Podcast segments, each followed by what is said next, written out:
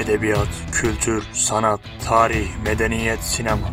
Kulağa havalı gelen tüm başlıklara göz kırpan podcast Halbuki başlıyor. Hanımlar beyler podcast Halbuki'ye hoş geldiniz. Yanılmıyorsam ikinci bölümde bundan sonra her hafta bir film tavsiye edeceğim dedim ve başaramadım.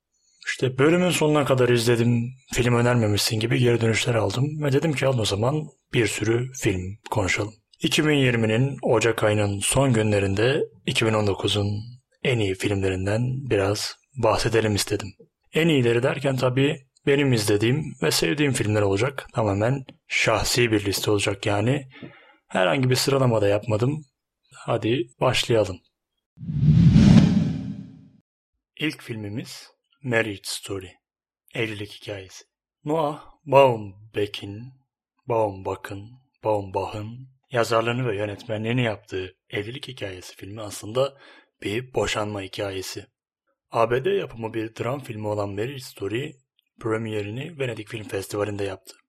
Adam Driver ve Scarlett Johansson'ın başrollerini paylaştığı bu filmde gerçekten iki oyuncu da çok iyi iş çıkarmış. Özellikle Scarlett Johansson'dan beklemediğim kadar iyi bir performans izledim. Yani Scarlett diyor ki öyle sadece tight'la sağa sola zıplayan dandik kahraman değilim ben. İyi bir oyuncuyum, iyi bir aktristim aslında demiş resmen bu filmde bize. Adam Driver ise gerçekten kariyerinin en iyi performansı falan herhalde. Hikaye olarak çok acayip bir hikaye beklemeyin bu filmden. Sıradan bir boşanma hikayesi. Yani sıradan bir boşanma hikayesinin neredeyse hiç taraf tutmadan çok iyi işlenmiş, çok iyi diyaloglarla harika bir şekilde resmedilmiş bir film.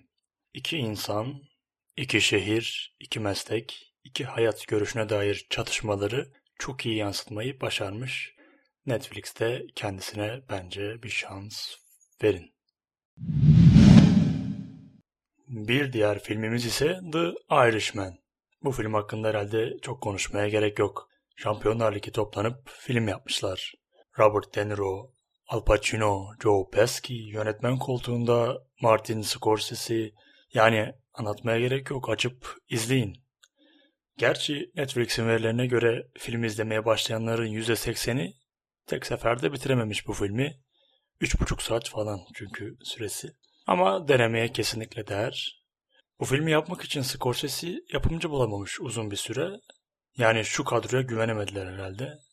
Neyse ki 40 yılın başı güzel şeyler yapan Netflix yapımcılığı üstlenip bu filmin bizimle buluşmasına vesile oldu. Sağ olsun The Irishman bu yılın en iyi filmlerinden biri.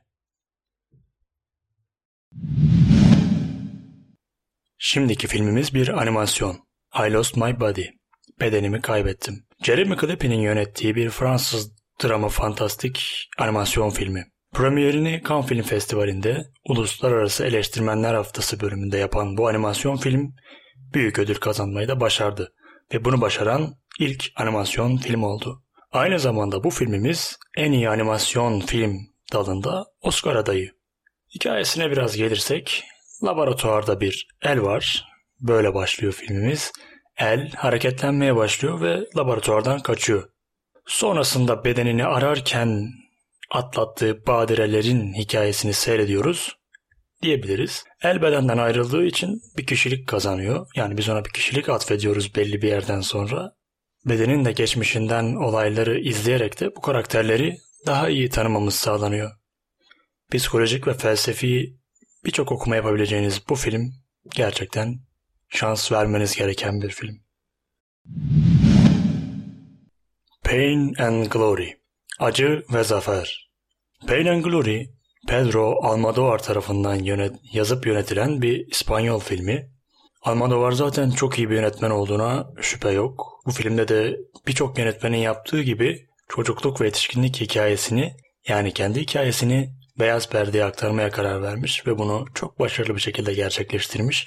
Başrolleri Antonio Banderas ve Penelope Cruz'un paylaştığı filmde Antonio Banderas resmen ben daha ölmedim. Hala Oscar'lık performanslar sergiliyorum diyor. Gerçekten harika oynamış. Filmin akıcılığını sağlayan karakterin çocukluğu ve yetişkinliği arasındaki çapraz kurgu filmi hiç sıkılmadan izlememize sebep oluyor.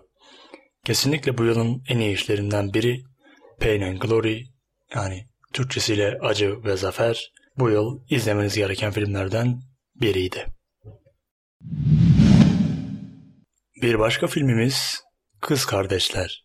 Yönetmenliğini ve senaristliğini Emin Alper'in gerçekleştirdiği 2019 çıkışlı bu film listemizde yer alan tek yerli film. Aslında bu listeye girebileceğini düşündüğüm Kıvanç Sezer'in Küçük Şeyler filmi güzel görünüyordu fakat seyretme fırsatı bulamadım. O yüzden Kız Kardeşler filmi listemizde kendisine yer buldu. Taşra'da yaşayan insanı yalnızca Nuri Bilge Ceylan sinemasında görüyoruz. Fakat Emin Alper Taşra'daki insanı başka bir perspektifle anlatmayı başarıyor. Anton Çehov'un Üç Kız Kardeş hikayesini hatırlatan film, iyi bir görsel dil ile seyretmeye değer bir içerik sunuyor. Bu yılın en iyi yerli filmlerinden biri Emin Alper'in yazıp yönettiği Kız Kardeşler. Gelelim bu yılın en çok konuşulan filmlerinden biri olan birçok ödülü almasına garanti gözüyle bakılan Güney Koreli yönetmen Bong Joon-ho'nun yönettiği Parazit. Ki zaten kandan altın palmiye ile döndü. Daha ne yapsın bu film? Sınıfsal farklılıkları metaforik bir dille çok iyi işleyen film bu anlatıyı iki aile üzerinden veriyor. Fakir ailenin zengin ailenin arasına girmeye çalışmasıyla başlıyor filmimiz. Filmin içerisinde merdiven, mağara, köprü, yağmur, Sisyphos gibi sinema sanatında kullanılan metafor ve arketiplerin hepsini bulabiliyorsunuz. Hatta Sisyphos biraz bariz olmuş. Çocuğun kucağında gezen bir kaya var. Spoiler vermemek için bahsetmeyeceğim ama izleyenler anladı. Filmin içerisinde her yerde metaforlar, imgeler, simgeler olduğu gibi filmin görselliği, mekanları ve oyunculukları da müthiş.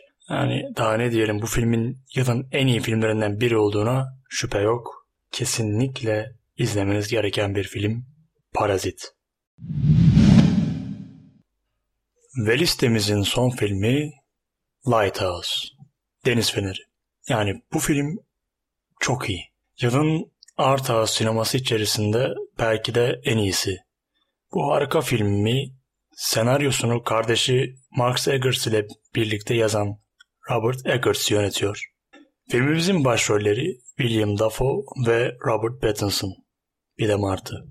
Bu arada evet, Robert Pattinson Alacakaranlık'taki Edward. Adam o felaket işten sonra o kadar çok festival filminde ve art hava sinemada oynadı ki o zaman bu çöpün içerisinde düştüğüme bakmayın ben iyi bir oyuncuyum. Bunu ispatlamak için çok çaba harcadı. Ve gerçekten de bu filmde harika bir performans sergiliyor William Dafoe ile. Siyah beyaz, olağanüstü görselliği, müthiş senaryosu ve diyaloglarıyla ve ürkütücü anlatımıyla harika bir film. Psikolojik gerilim diyebileceğimiz bu yapımda yine birçok metaforik ve felsefi okumalar yapabiliriz. Filmi müthiş yapan özelliklerinden biri de karakterleri kendi sanrıları ve gündüz düşleri üzerinden tanıtıyor. Aslında bir deniz fenerinde görev alan iki adamın hikayesini anlatıyor ama bu adamların geçmişleriyle ilgili bilgilere ancak kendilerine düşleri ya da kabusları üzerinden ulaşabiliyoruz.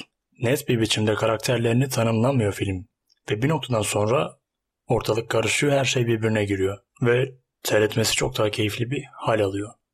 Güç, erkeklik, iktidar üzerine bir taşlama diyebiliriz bu filme. Bu filmi kesinlikle seyredin. Kendinize çok iyi bakın.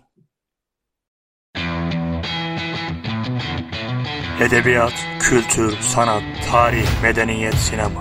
Kulağa havalı gelen tüm başlıklara göz kırpan podcast halbuki bitti.